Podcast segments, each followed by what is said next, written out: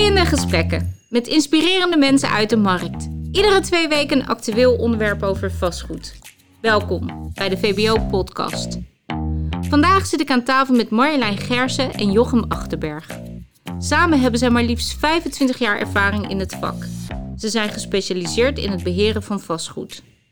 Met hen ga ik het hebben over de ontwikkelingen in de markt. Het negatieve imago dat beleggers vandaag de dag hebben en waarom dat volgens hen geheel onterecht is. Maar voordat het zover is, stellen zij zich eerst zelf even aan je voor. Welkom Marjolein en Jochem. Laat ik bij Marjolein beginnen. Marjolein, wie ben je, wat doe je en hoe komt het dat jij zoveel weet over beleggingsvastgoed? Um, nou, ik ben Marjolein Gersen. Ik ben uh, uh, directeur van Steensbeheer en Realestate.nl. Um, ik, heb, um, ik ben nu ongeveer tien jaar uh, werkzaam in het vastgoed. Hiervoor bij een makelaarskantoor. En toen lag de markt echt helemaal op zijn gat. Dus uh, uh, destijds een gat in de markt was uh, beleggen. En toen ja, klanten om me heen verzameld en panden gaan kopen. En er zo eigenlijk een beetje ingerold. Dus zo, zo is dat gekomen. Nou, hartstikke leuk. En Jochem, jij? begonnen in 1996 in de makelaardij. -huh. In Beeldhoven gestart. Vervolgens naar Amsterdam verhuisd. Uh, daar ook gewoond en gewerkt. Uh, via Utrecht uh, in Den Haag terechtgekomen. In 2005 als ZZP'er bij een groot NVM-kantoor gewerkt. En in 2014 ben ik voor mezelf gestart, eigen makelaarskantoor. En in 2017 ben ik mijn eigen beheerkantoor gestart. En daar gingen we vooral beleggingen aankopen voor derden. -huh. isoleren, renoveren en weer verhuren conform de puntenstellingen. Oké, okay, nou echt uh, twee experts aan tafel dus. Hartstikke fijn. Voordat we echt uh, wat dieper op het onderwerp ingaan, lijkt het me goed om eventjes uh, stil te staan bij wat cijfers. Kunnen jullie me wat meer vertellen over de markt? Hoe ziet het eruit? Hoeveel huizen zijn van, beleg van beleggers? Welke huizen? hoe is dat een beetje verdeeld? Hebben jullie daar wat informatie over? Nou, ik, het is natuurlijk per stad verschillend. Ik weet dat in Amsterdam percentage veel lager is. Ik geloof dat dat 20% is. Uh, wat verhuurd wordt. In Den Haag is het uh, relatief voor een grote stad een vrij hoog percentage. Ik geloof dat het inmiddels meer dan 30% is. Um, en dat is voornamelijk voor particuliere investeerders die dat dan gewoon voor de verhuur aanhouden. Daar zit wat oud bezit, maar er zijn ook steeds meer investeerders die nou ja, de nieuwe belegger en de nieuwe belegger die is eigenlijk wel bereid om behoorlijk te investeren in het vastgoed. En ik denk ook dat dat uh, de partijen zijn waar we een voorbeeld aan kunnen nemen. Ja. In plaats van de oude belegger en de huisjesmelker die regelmatig... Uh... Daar komen we zo op terug. Hè? Kijk, ik, daar, is, daar is genoeg over gezegd. Maar, en wij gaan er ook nog vast uh, heel veel over zeggen. Maar laten we eerst even hierop focussen. Hoe ziet die markt er nou uit? Je hebt een goede schets gegeven. Wil jij er nog iets aan toevoegen? Ja, ik denk dat uh, in Rotterdam is dat inderdaad de afgelopen periode ook wel toegenomen. Je ziet toch ook wel dat mensen met geld nu denken, ja, hè, ik, uh, dat, dat moet wat. Ja, ik moet ja. wat en uh, in dat vastgoed is wel geld te verdienen. ik denk dat het procentueel gezien in Rotterdam best wel meevalt. Hoeveel beleggers er zijn, er wordt altijd over heel veel en heel veel grote hoeveelheden gepraat. Ik denk dat je daar rond de, tussen de 10 en 15 procent zit, wat in handen is van beleggers. En okay. dat, dat stijgt natuurlijk wel. Wat je ziet is dat de woningen die nu op de markt komen toch door beleggers worden opgeslokt. Wat natuurlijk echt ja. wel eigenlijk een soort probleem is voor de en er was koper. natuurlijk best wel een stijging in het kwartaal, het laatste ja. kwartaal van 2020. Ja. Omdat ja, nou ja, de belasting is natuurlijk uh, anders. Ja. Uh, ja. Ja. Ja. ja, ik zie toch, we hebben inderdaad wel wat rust gezien in het eerste kwartaal. Omdat het laatste kwartaal van 2020, toen de, toen de overdrachtsbelasting nog wat lager was, toen zijn heel veel uh, transacties nog geweest. Q1 is dat wat rustiger geweest, maar dat trekt nu toch ook wel weer een beetje aan. Ja. Maar wat ik wel zie is dat uh, wij zitten meer zeg maar, bij de beleggers die uh, hele panden hebben, um, uh, zeg maar wat, wat grotere vastgoedeigenaren. Um, dat zijn, daar zijn nog wel transacties in, maar dat zijn over het algemeen al panden die al ja, decennia niet op de markt zijn geweest. Dus dat zijn hele blokken die eigenlijk altijd in handen zijn geweest van beleggers. En van de ene belegger op de andere belegger gaan, zeg maar. Dus in mindere mate toch de, de ja, kleine belegger die nu die appartementen koopt en het renoveert. Hebben ze wel natuurlijk. Er zijn best ja. wel wat eigenaren die nu ook wel wat aan het uitbreiden zijn. Ehm, maar de panden die we beheren, die zijn al, wat ik zeg, decennia niet op de markt. Ja, voor de verhuur. Ja, precies. En dat zijn dan ook echt de grote beleggers. Want ik las ergens dat het eigenlijk, dat de markt eigenlijk met name bestaat uit uh, beleggers die slechts één of twee panden hebben. En niet de grote beleggers, wat vaak wel wordt gedacht. Nou ja, er zijn, er zijn wel steeds meer partijen hoor. Die denken inderdaad, uh, ik, koop, ik koop een pand. Ook als pensioenvoorziening of iets dergelijks. Daar zijn er heel veel van. wij werken voor eigenaren die inderdaad soms één woning hebben, soms tien. Maar we werken ook voor eigenaren die vier, vijfhonderd woningen hebben. Dus dat, is, dat zijn ook echt andere grootheden. Soms, ja, het, het overgrote deel van onze cliënten heeft tussen de 30 en 50 woningen, zeg maar. Oké, en hoe is dat bij jou? Bij mij is dat uh, wat minder. Volgens mij is de grootste beheerklant die heeft 15 appartementen. Uh, die is nog wel bereid om bij te kopen. Alleen het moet wel goed zijn. maar het overgrote deel is 3, 4, 5, 6. Weet je wel, onder de 10. Ja. Ehm, en dat is inderdaad allemaal mensen die nou, vaak niet vastgoed gerelateerd werk hebben. En die gewoon ontzorgd willen worden. Ja, en precies, ons inschakelen om ja. dat zij er vooral geen omkijken naar hebben. Ja, want, want ontzorgen, waar moet ik aan denken? Wat, wat doen jullie allemaal? Echt alles? Alles. Ja. We zoeken de woning in de markt, wat op dit moment de grootste uitdaging is. Ja. We maken een rendementsberekening, we maken een puntentelling. Uh, als die niet vrij in de sector te verhuren is, dan geven we een energieadvies. Dus dan gaan we isoleren, meestal naar energielabel B, uh, maar minimaal tot energielabel C.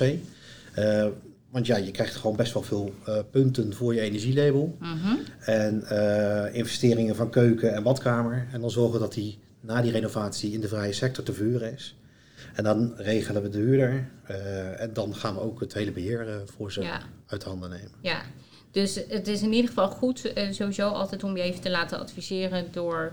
Ja, het lijkt nu een beetje spreek voor eigen parochie, maar je hoort zoveel dingen, dus het is goed om gewoon de verhuurmakelaar in te schakelen als je een uh, pand in uh, bezit ja, hebt. Het aankopen aan zich lukt al niet zonder makelaar. Nee. Dus als je dan ook nog een keer je advies moet hebben voor je puntentelling en je rendementsberekening. En kijk, wij houden met onze rendementsberekening geen rekening met de waardestijging, terwijl die is er natuurlijk wel.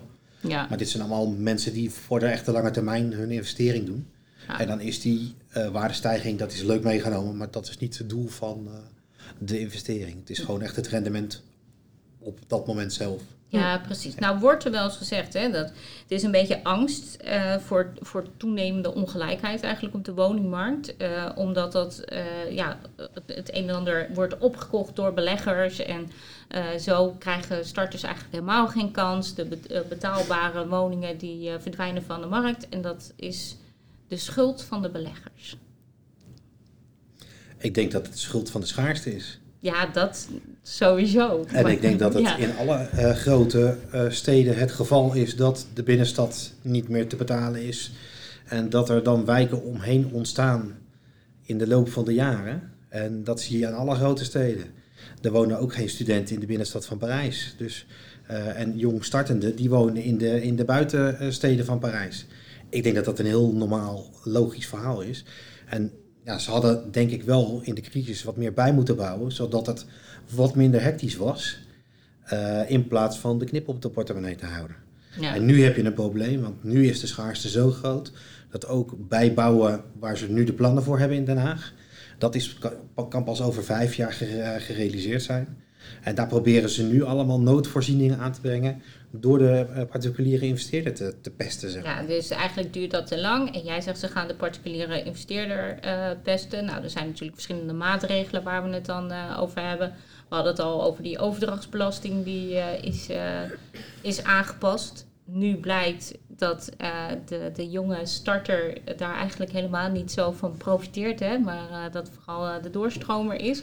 Maar de belegger, die is natuurlijk wel ja, daarmee uh, ja, inderdaad gepest of uh, ja, de sjaak, zal ik maar zeggen. Ja. De belegger is een investeerder die gewoon rekensom maakt. En uh, de rekensom is van 2% overdrachtsbelasting naar 8%. Dat is aangepast in het Excel-sheetje. En vervolgens gaat de belegger toch weer dezelfde rekensom maken. Want dat geld staat op de spaarrekening en kost gewoon geld. Ja. Dus ik denk dat dat het chronische probleem is Ja, ik denk dat het ook een combinatie is. Jij noemde inderdaad al uh, nou ja, die rekensom. En ik denk dat het grootste probleem ligt inderdaad bij dat er gewoon echt veel te weinig woningen zijn gebouwd in de afgelopen periode. En ik denk dat de stappen die nu vanuit de overheid gezet worden, uh, als ik even kijk naar het gebied waar wij hoofdzakelijk bezig zijn, dat is Rotterdam. Uh, daar zijn ze bezig, dat is er overigens al doorheen, om de minimale woning grootte voor appartementen, zeg maar, als je splitst of je gaat verbouwen of iets dergelijks, uh, dan moet een minimale woninggrootte 85 vierkante meter zijn. Mhm. Terwijl ik denk dat voor een starter een appartement van zeg 55, 60 vierkante meter een leuk appartement is. Ja. Uh, maar je krijgt het er bij de gemeente gewoon niet doorheen. Nee. Um, de woningen zoals zeg maar, hè, de oude bouw, en die zul je denk ik in Den Haag net zo goed hebben. Uh, dat is een woning op de eerste en halve derde verdieping en de tweede en halve derde verdieping. Dus dat zijn heel onlogische woningen, vaak met gedeelde trappen, et cetera. Als je daar bijvoorbeeld drie aparte etages van zou willen maken, dat krijg je er dan niet doorheen. Want dat zijn dan te kleine woningen. Dat betekent soms dat we zolders uh, leeg hebben staan. Uh, waar we nou ja, dakopbouwen willen maken, dat mag allemaal niet. Dus, uh... ja, dus eigenlijk staat er het een en ander leeg. Terwijl dat eigenlijk ook weer voorkomen kan worden door de maatregelen die zijn getroffen. Eigenlijk ja, weer te versoepelen. Ja. Of, ja, ik denk dat ik denk dat er een heel groot deel van woningen uh, toe te voegen is in de bestaande bouw. En ik denk dat uh, de overheid, anders dan wat ze nu doen, uh, denken aan. Ehm, hè, ze willen de gezinnen naar de stad hebben. Dat is mhm. waarom ze dus die 85 vierkante meter als ondergrens hebben gesteld. dat is leuk, dan ga je daar met je gezinnetje en je kindjes op een bovenwoning zitten. Ik denk dat dat al. Maar ja, goed, dat is mijn invulling. Ik denk dat dat niet wenselijk is hè, mhm. voor gezinnen. Um, uh, die willen ze dus per se naar de stad toe hebben. En daarvoor hebben ze die ondergrens gesteld van 85 vierkante meter. Terwijl ik denk dat als, je, als de druk nu zo hoog is, de nood is nu zo hoog, er is zo weinig woonruimte beschikbaar, uh, geef dan wat meer vrijheid om bijvoorbeeld uh, uit te bouwen, op te bouwen. daar voeg je al zoveel meer woningen mee toe. Maar die vrijheid is er wel geweest. Ja, ja vroeger. Ja. ja. het is sinds 2019 of zo dat, dat appartementen echt een minimale oppervlakte moeten hebben van 85 vierkante meter. Als we kijken naar Amsterdam, daar weet ik dat de minimale oppervlakte 35 vierkante meter is. Ja, ja dat is wel. Dat vind ik dan daarentegen wel weer heel klein. Ja. Want dat is, ja, voor een start is dat gewoon een, een slaapkamer, ja, vind studio, ik. De studio, ja. ja. Dus, maar 85 is echt weer de, ja, de, de complete uit de richting. Ja, en dat wordt per gemeente bepaald. Hè? Ik bedoel, uh, dat is. Ja, in Den Haag heb je, uh, ligt eigenlijk het hele splitsingsbeleid op zijn gat. Uh, Den Haag staat helemaal vol met grote drielaags woningen van 200 meter. Die zou je heel mooi met een onvrije etage in drie appartementen van 65 vierkante meter kunnen splitsen. En zij geven de parkeerdruk, geven zij de schuld. Mm Terwijl ik van mening ben, als je gewoon een wachttijd op een parkeervergunning zet. Ja, maar ik, ik denk dan ook als je er uh, jonge starters in zet of studenten of, of iets. Of uh, nou ja, goed, dan die gaan toch meestal met de OV. Ja, ook dat. Maar er zijn verschillende oplossingen. Of je gaat wachttijden voor de parkeervergunning afgeven. Dus er zijn zoveel parkeerplekken beschikbaar. Er zijn zoveel vergunningen afgegeven. En wie het eerst komt, die komt als eerst op de lijst te staan. Ja. Dan schuift dat gewoon door. Zoals het in Amsterdam al jaren aan de hand is. Uh, of je gaat de nieuw te realiseren appartementen. Daar geef je gewoon een, een, uh, geen uh, vergunningen voor het parkeren meer af. En degene die daar komt te wonen, die krijgt dus te horen van, nou hier is, dit is een appartement. Ja, die weet dat van tevoren. Zonder parkeervergunning. Ja. Dan kan die zelf de keuze maken of hij met het openbaar vervoer gaat of dat hij gaat autodelen.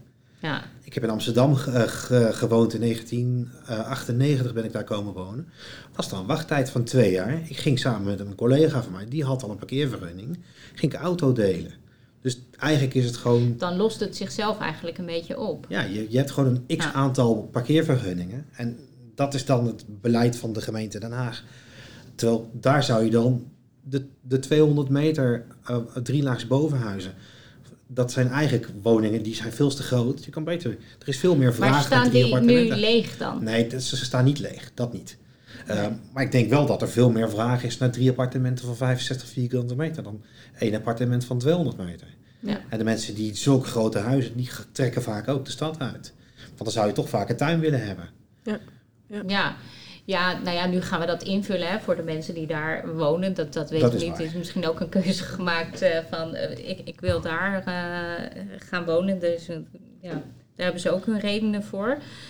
maar ze zeggen wel dat dat is even, het is niet mijn mening, hè? laten we dat eventjes duidelijk hebben. Maar wat je leest in de media, wat dan toch een beetje speelt in de samenleving, dat de particuliere beleggers eigenlijk ook zorgen voor uh, prijsopdrijving van de woning. Want het wordt allemaal een stuk duurder, want ze kunnen veel makkelijker overbieden. En, ze kopen van alles op. En, dus eigenlijk worden de prijzen alleen maar hoger door die beleggers.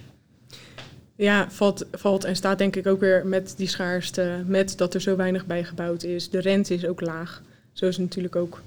Um, ja, die starters die ja, kunnen inderdaad minder makkelijk aan de, aan de bak komen. Het is wel zo dat wat er bijgebouwd wordt, um, wordt is ook, komt, vind ik hoor, vrij duur op de markt. Als, als starter, je moet echt wel met z'n tweeën, uh, met z'n tweeën zijn om zoiets te, te kunnen kopen.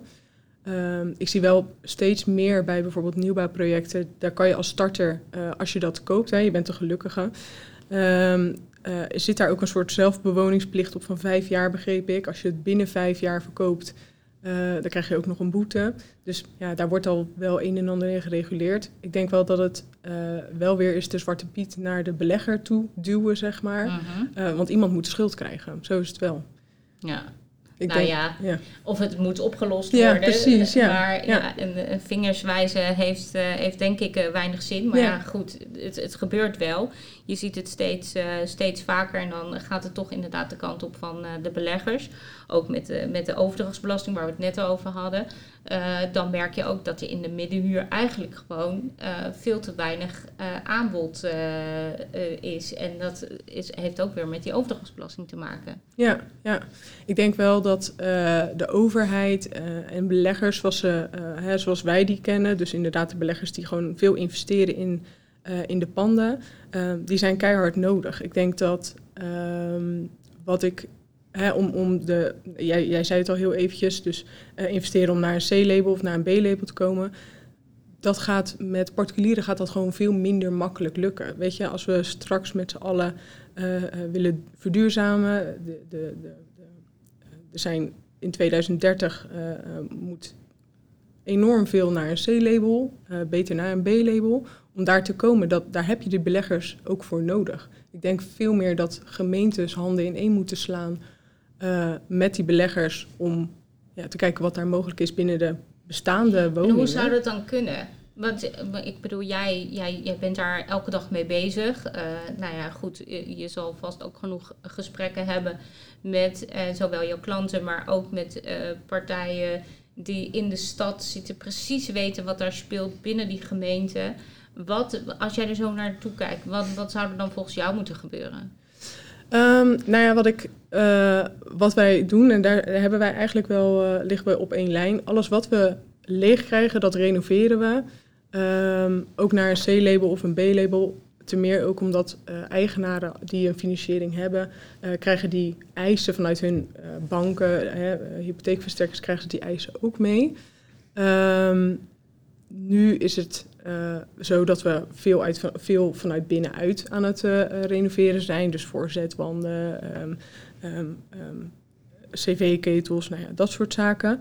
Uh, als je echt van het gas af wil, dan moet je dat natuurlijk samen met de gemeente oppakken. Dat is een hele kostbare exercitie. Dat is mhm. eigenlijk nu nog ja, niet betaalbaar. Ze zijn het nu in verschillende wijken in Rotterdam zijn ze dat aan het uitrollen. In Pendrecht bijvoorbeeld.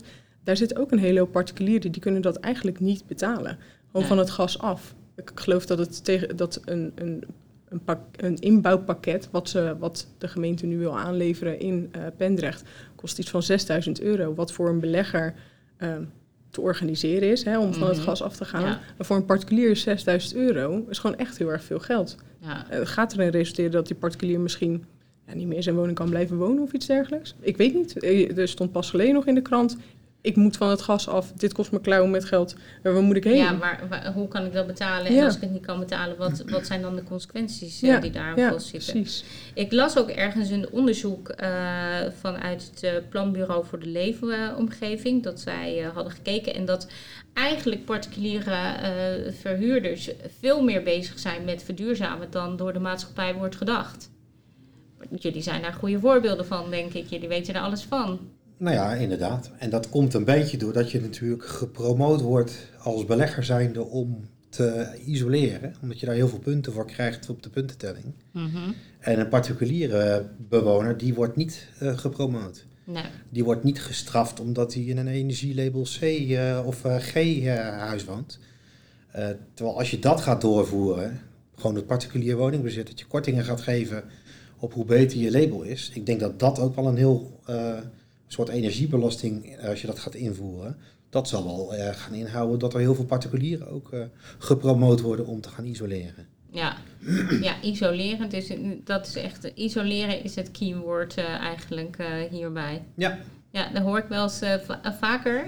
Ik heb wel eens vaker gesprekken gehad dat, dat mensen vaak denken bij verduurzamen. Als eerste denken ze aan zonnepanelen.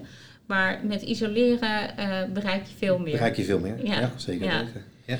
Uh, nou ja, goed, die, die, eigenlijk die beleggers zijn dus gewoon nodig om uh, uiteindelijk uh, het klimaatakkoord ook te behalen. Zij zullen daarin vooruitlopen, denk ik. dus dat is eigenlijk, nou, het is niet dat we hier natuurlijk een promotiepraatje voor de particuliere beleggers aan het houden zijn. Maar eigenlijk dragen zij heel erg bij aan die woningvoorraad. Om dat gewoon netjes te houden, om dat goed te houden aan die wijken. ja. Zeker. wat, Jij, uh, wat jij aan het begin ook al aangaf, um, uh, verduurzamen van je woning uh, levert heel veel punten op. -huh. Dus het is die eigenaren ook veel aangelegen om een goed energielabel te hebben, um, zodat de huurprijs boven liberalisatie komt. Dat betekent wel inderdaad dat er minder sociale woningen beschikbaar komen. Ja. Um, Daar zijn ook veel tegenstanders ja, natuurlijk. Uh, ja, ja, precies. Dat is, dat is ook een discussie die, ja, nou ja, goed, uh, die lossen we ook met z'n allen niet op. Ik vind, ik vind dat sociale woningbouw moet door woningbouwcorporaties uh, op de markt worden gebracht. Nou, hoor ik wel eens dat ze dan zeggen van nou, schaf die verhuurderheffing af voor woningcorporaties, ja. zodat ze lekker kunnen gaan verduurzamen. Ja, ja het, is, een, het is gewoon een boete op het hebben van sociale woningen. Ik heb een eigenaar die heeft uh, van oudsher, uh, die heeft uh, haar panden geërfd.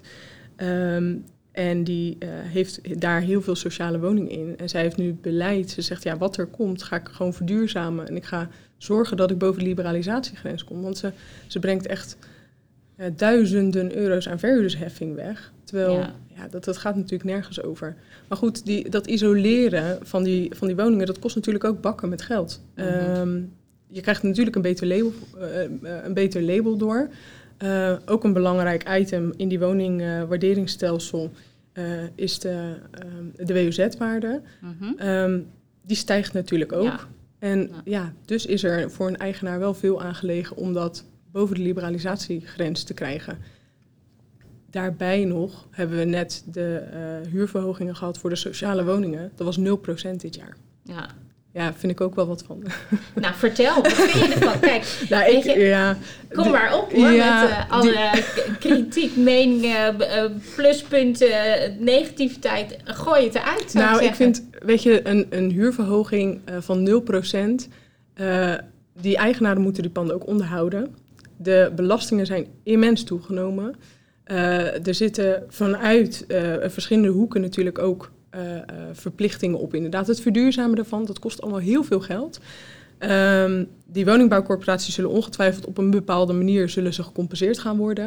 Maar die particuliere eigenaren, ik moet het nog maar zien. En je huur een jaar lang bevriezen. Laten aan, ja, ik heb ook een sociale kant die zegt een 0% huurverhoging voor de mensen die het heel erg zwaar hebben gehad in het afgelopen coronajaar. Uh -huh. Ik begrijp dat. Dus ik begrijp dat, het, dat zij een hele ja. moeilijke periode hebben gehad. Anderzijds, voor die eigenaren, als ik kijk naar de WOZ-waarden van de afgelopen uh, jaren, die zijn, sommige WOZ-waarden zijn gewoon verdubbeld. De belastingen zijn gewoon verdubbeld. De aannemers die zijn uh, qua uurlonen, ja. daar is 20% bovenop gegaan. Dat onderhoud moet wel gedaan worden. En om daar dan een 0% huurverhoging tegenover te zetten, dat vind ik echt te ver gaan. Ja, maar wat, wat, wat zou jij dan zeggen van, nou ja, wat moet er wel gebeuren? Want eigenlijk alle maatregelen die nu worden genomen door uh, Politiek Den Haag, zeg je van, nou, eigenlijk werkt het niet of het is symptoombestrijding. Want, nou ja, oké, het is één oplossing, we zeiden het net al, of oplossing. Er moet gebouwd worden, is nu eigenlijk alweer te laat. Dus uh, alle maatregelen, dat, dat is dus het bestrijden van symptomen. Maar wat, wat zou er dan nu wel kunnen gebeuren of moeten gebeuren zodat uh, nou ja, er in ieder geval een beetje lucht komt voor alle partijen.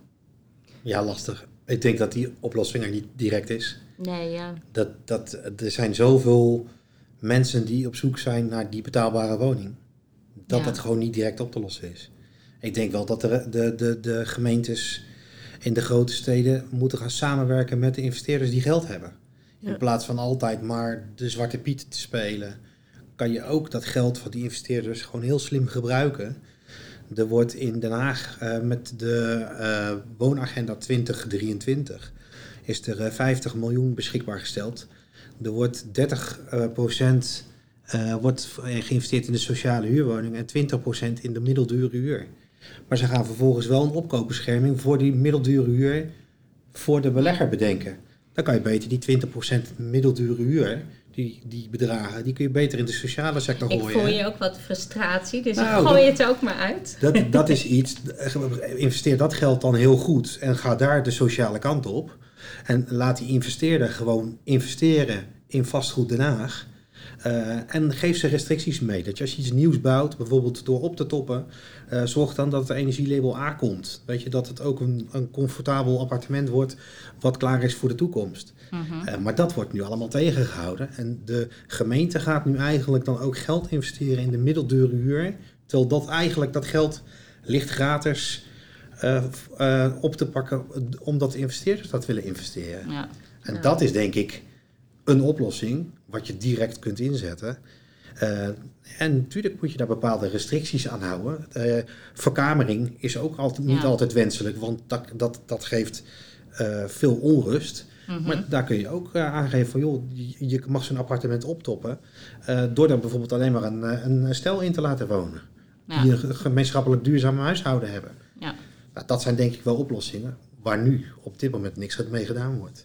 Maar ben, ben jij dan ook, want je bent natuurlijk actief in, eh, in Den Haag, maar eh, heb jij dan ook regelmatig eh, contacten met, met bijvoorbeeld de gemeente? Of, of, of draag je die oplossingen ook wel eens aan? Laat je wel eens met andere makelaars in Den Haag of verhuurmakelaars in Den Haag van je horen om dat ook aan te geven? Of, of, nou, ik denk dat er vanuit de gemeente te weinig geklankbord wordt met de mensen die in het werkveld staan. ja. En ik denk dat dat ook het grote probleem is. Ja, en je hoort wel eens hè, op het gebied van eh, de woningvoorraad en het woningtekort en er moet gebouwd worden en weet ik het wat. Dus eh, nou ja, er moet weer een, eh, een minister van Wonen of volkshuisvesting of whatever, noem het hoe je het noemen wil komen. Ehm, denk je dat dat voor, voor deze problemen eigenlijk die er zijn op, de, op de verhuurmarkt of eh, Nou, dat, is, het ook dat, gaat dat is een landelijk iets. Ja, dat is je het- landelijk. je moet het regionaal oppakken. Ja, echt- Rotterdam is Den Haag niet. nee, Al zijn het wel allebei grote steden, en is, is de woonnood daar ook groot. Maar ja, ik denk dat dat gewoon per eh, gemeente opgepakt moet worden. En misschien, ja. misschien dat je wel een, een, een bepaalde beperking kan opleggen landelijk, maar dat je het per eh, gemeente moet bekijken hoe je dat gaat toepassen. Ja, omdat je dan echt in die gemeente zit en met de juiste partijen binnen die gemeente gaan praten en met elkaar dan kijken hoe, eh, Ja. hoe dat. En daar zijn nu op dit moment eigenlijk helemaal geen initiatieven voor. Of Nou ja, vanuit de gemeente Rotterdam worden wel woontafels eh, georganiseerd. We doen daar eh, ook wel actief aan mee. Dus dat we eh, in gesprek gaan. Wat ik wel aanvoel in die woontafels is dat daar verschillende onderwerpen aan de kaart worden gesteld. Die, ehm, ja, eh, eh, het gaat over nou ja, discriminatie over de woonmarkt. We hebben het er heel eventjes kort over gehad voordat we hierover eh, gingen spreken. Ehm, ja, bij die woon... Het worden eigenlijk... Het, het, resulteert niet in een samenwerking, laat ik het, laat ik het zo zeggen. dus Zij het- signaleren ja. zaken die niet goed gaan. Ehm, ja, wat vind je daarvan? Maar constructieve oplossingen komen daar niet uit.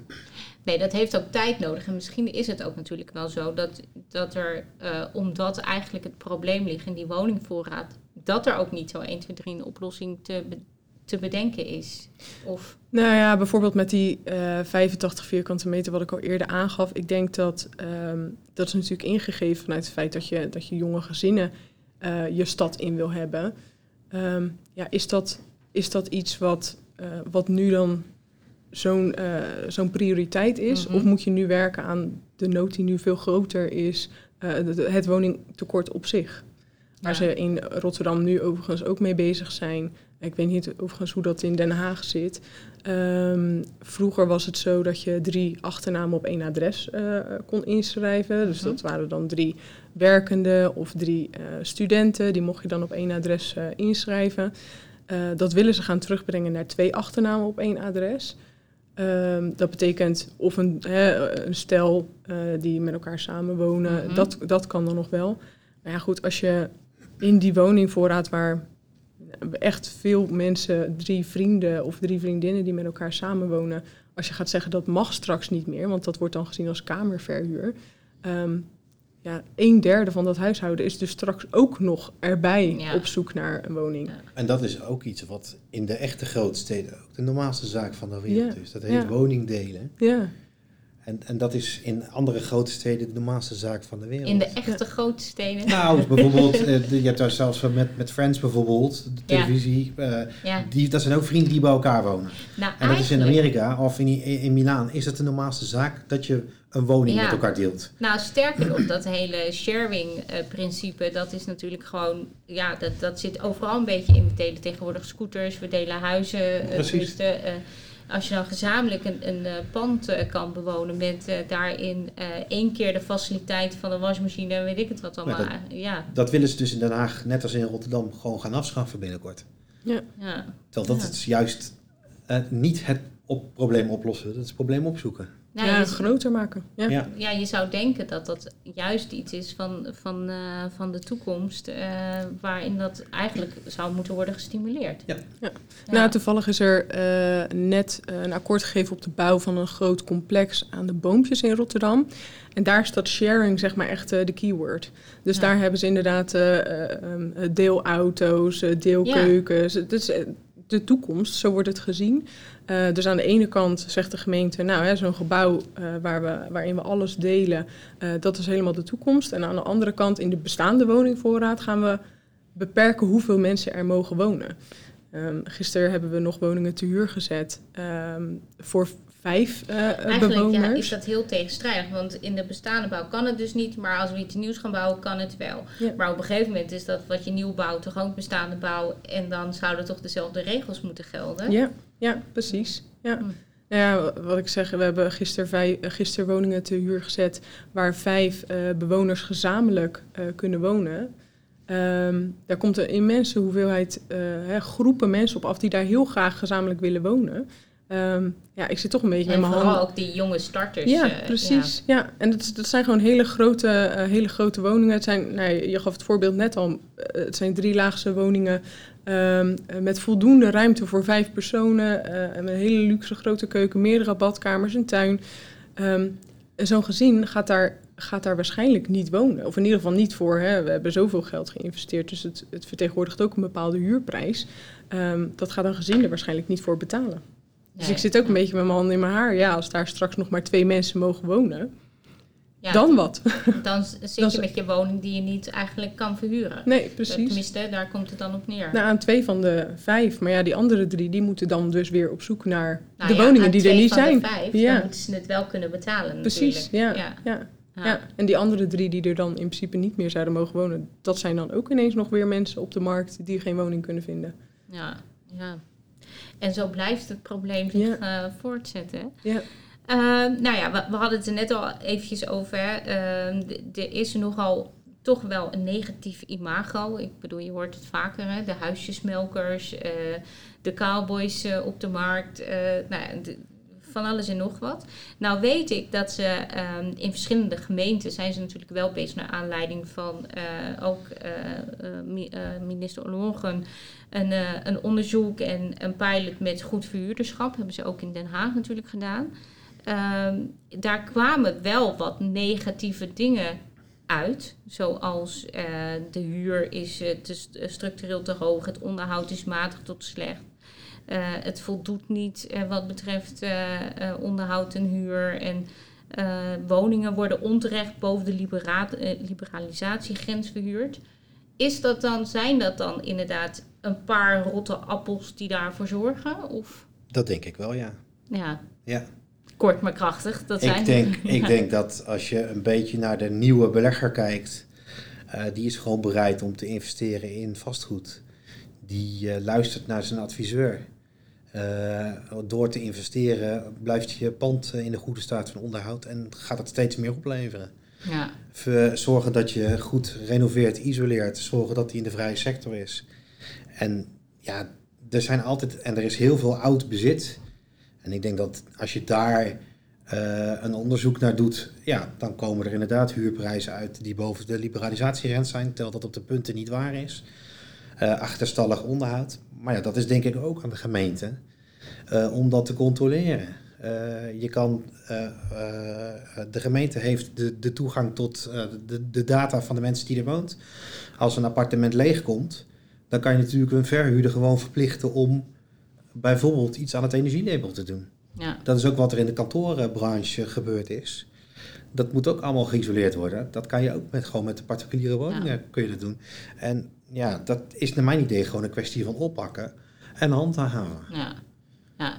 En zie je dan ook echt verschil tussen de, de, de verhuurders of de, die, die zijn aangesloten of, of die hun panden laten uh, beheren uh, door uh, bijvoorbeeld jullie kantoor, iemand die aangesloten is bij een brancheorganisatie? Zie je daar verschil in de markt tussen? Of? Ja, voor mij is dat een beetje lastig, omdat wij eigenlijk alleen maar opdrachtgevers hebben die bereid zijn om naar ons advies te luisteren. Ehm, want dat is het hele model wat we gebouwd hebben. Uh, want we hebben geen zin in huurcommissiezaken. Dat iemand een huurovereenkomst tekent en dan vervolgens naar de huurcommissie gaat om. Uh, dus, dus, wij adviseren ook altijd om het gewoon op de juiste en de reguliere manier te doen. En er zit heel af en toe nog wel eens wat bij wat we al gekocht hebben in een oude staat. En op het moment dat dat leegkomt, dan pakken we dat gewoon weer op conform ons plan. En uh, renoveren, isoleren en verhuren in de vrije sector. Ja. ja. Dus ja, daar zit zeker daar zit verschil in die markt tussen die, uh, die eigenaren. Ja. ja.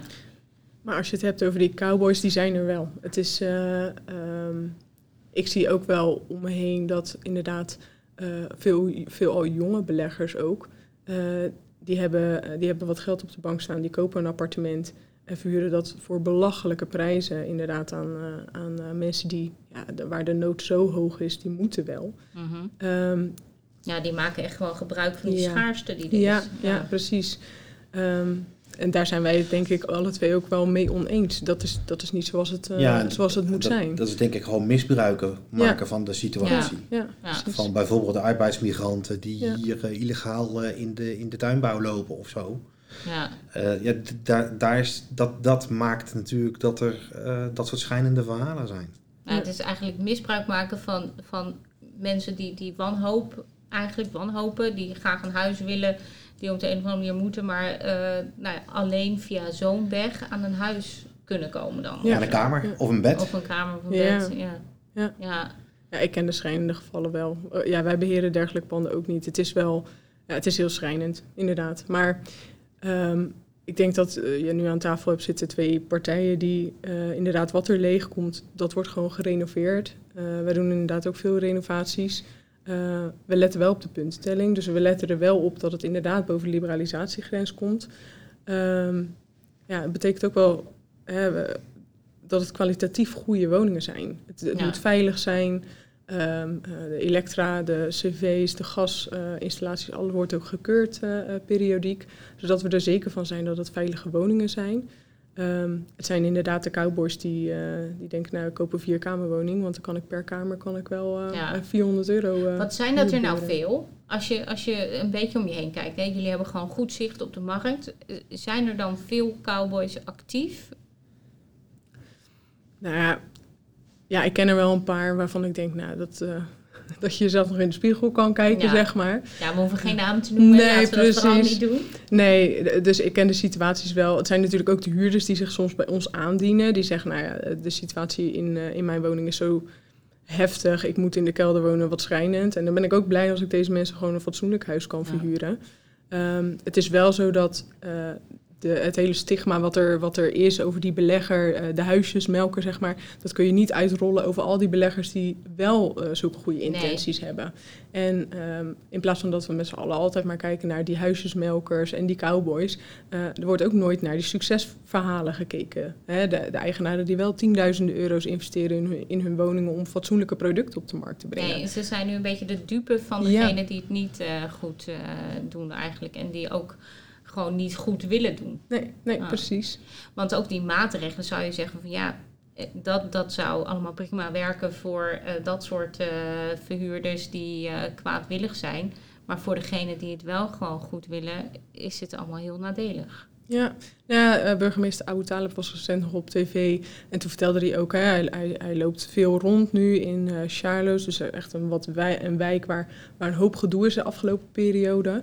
Uh, daar loopt hij ook rond om te kijken hoe het, daar, hoe het daar zit. Ik weet dat die mensen die daar gaan wonen, krijgen ook echt een aanzichtkaart. Daar staat op, joh, check of je woning aan de punttelling voldoet. weet wat je rechten zijn als huurder. Dus daar, daar, de gemeente is echt heel ja. erg actief om in Rotterdam-Zuid um, dit soort ja, uh, um, ja, wanpraktijken, wanpraktijken ja. tegen te gaan, inderdaad. Um, maar de, ja, ik zou Abu Talib wel eens tegen willen komen om, om hem mee te slepen naar de succesverhalen die er wel zijn. Dus inderdaad, waar, uh, waar wel veel geld is geïnvesteerd. Uh, en ik weet dat ze zijn ook bezig met die, uh, met die verdusvergunning. Ik weet niet of, of zoiets ook uitgerold wordt in Den Haag. Um, ja. Die verdusvergunning wordt dan afgegeven het voelt een beetje tegenstrijdig, maar je krijgt dus een verhuurdersvergunning of je krijgt een, een soort berisping waardoor je niet meer mag verhuren. Ja, wie ga je dan berispen? Ga je dan de makelaar berispen die die huurder in deze vreselijke omstandigheden die woning heeft verhuurd? Of ga je die eigenaar dan berispen? Ja, de verhuurdervergunning is, is dan eigenlijk uh, zo dat, dat de verhuurmakelaar en de verhuurbemiddelaars en de, nou ja, die, die zouden dan nou ja, inderdaad een, een, vergunning krijgen. En als er iets misgaat, dan wordt er een, een gele kaart getrokken of nou ja, je, ma, je, je krijgt een, uh, een berisping inderdaad. Ja, dat ja. is eigenlijk het verhaal. Maar jij, je zegt, voor mijn gevoel werkt dat niet helemaal. Dus dan gaan ze op een andere manier gaan ze toch uh, hun woning verhuren. Dat, dat gaat gewoon gebeuren. Uh, als er, een, als er, er is altijd een manier om het dan wel voor elkaar te krijgen. De ja. gemeente, die, hè, als, er, als er ergens uh, hennep is of, of harddrugs of iets dergelijks, dan sluiten ze zo'n pand bijvoorbeeld voor zes of negen maanden. Mm -hmm. um, ze gaan die panden, ja, dat, ik zie dat niet gebeuren, maar de woningen die nu um, door de cowboys verhuurd worden, die in hele slechte staat zijn, die gaan ze niet voor jaren sluiten. Dat, dat ga ik niet zien gebeuren. Dus op, nee. een, op een manier gaan ze toch uh, hun zin wel krijgen. Ja, maar als je nou precies weet wie het allemaal zijn en uh, bijvoorbeeld uh, al die makelaars, bemiddelaars, verhuurders, het is aangesloten bij een branchevereniging bijvoorbeeld. Ja, ja maar ze zijn niet aangesloten bij een branchevereniging. Nee, nee, maar als dat nou zo zou zijn, als dat, dat, dat zou dat moeten, ja, ja, dat ze dat gaan verplichten. Als er dan iets misgaat, dan weet je in ieder geval waar het misgaat. Wordt geraaieerd, mag je niet meer ja, uh, maar dan, je business je, je mag als particuliere eigenaar mag je ook uh, via ja. Marktplaats ja. je woning uh, te huur aanbieden. En dat is ook, tegenwoordig kun je ook als particulier je woning privé verkopen. Ja, via Facebook. Dat, ja. Dus dan, dan ga je weer uh, iemand verplichten om te samen, uh, samen te gaan werken met een makelaar. En dan ga je weer uh, daar protest op krijgen dat iemand vrij moet zijn in zijn keuze. Of die dat door een professional laat doen of dat hij dat zelf gaat laten doen. Nou ja, als ik het zo hoor, denk ik, maar ja goed, dat is wederom uh, spreek voor eigen parochie, dat het wel verstandig is om uh, iemand in te schakelen die dat allemaal voor je doet. En dus zowel voor verhuurder als voor de huurders, want die zijn dan in ieder geval zeker dat het goed gebeurt. En mocht er alsnog iets fout gaan, dan hebben ze altijd nog een organisatie waar ze, waar ze terecht kunnen, zeg ja. maar. Ja. Ja. ja. Ja. ja. Maar het is wat je zegt via marktplaats, via social media. Er zijn zoveel manieren om zo'n woning verhuurd te krijgen. Via, uh, via uh, tussenpersonen, um, de uitzendbureaus, je, je, hoort het zo vaak. Ja, ja het lijkt mij heel uh, vreemd om zo je woning te huren. Of, of ja. nee, maar goed, het, ja. ja. het gebeurt. Dat is ook weer die wanhoop waar we het over hebben. Maar nu hebben we het wel veel over hè, die negatieve kanten die er zeker zijn. Um, nogmaals, er zijn ook zoveel goede dingen die er gebeuren. En ik denk dat de goede dingen nu hè, laten we zeggen dat er 90 goede dingen gebeuren en 10 slechte dingen, dan zal er altijd een focus zijn op die 10 slechte dingen die er gebeuren. En er zijn, er zijn uh, zoveel partijen die, die echt heel uh, fanatiek bezig zijn met het, ja, het, het, renoveren inderdaad en het neerzetten van een goed woonproduct. Um, en nu ligt vaak mee, dat is toch wat er gebeurt, niet alleen in het vastgoed, maar ook in andere branches, toch weer de focus op wat er fout gaat in, uh, in een bepaalde branche. Ja, dat is, dat is overal uh, inderdaad. Het, het, het, negatieve werk, ja, dat weegt toch vaak gewoon ja. zwaarder. Ja. En dat, dat wordt gezien en dat wordt vergroot en dat, nou ja, dan krijg je zeg maar dat negatieve imago, terwijl dat eigenlijk geheel onterecht is. Ja, dat denk ik wel zeker. Ja. Nou ja, ik denk dat we er vandaag alles aan hebben gedaan om dat uh, in ieder geval uh, weg te nemen. Om zowel de, de negatieve punten te, te, belichten, maar ook de positieve punten natuurlijk te belichten. Ehm, nou, ik denk dat we er eigenlijk al wel een beetje doorheen zijn, zeg maar qua tijd. Dus ik moet het gaan afronden.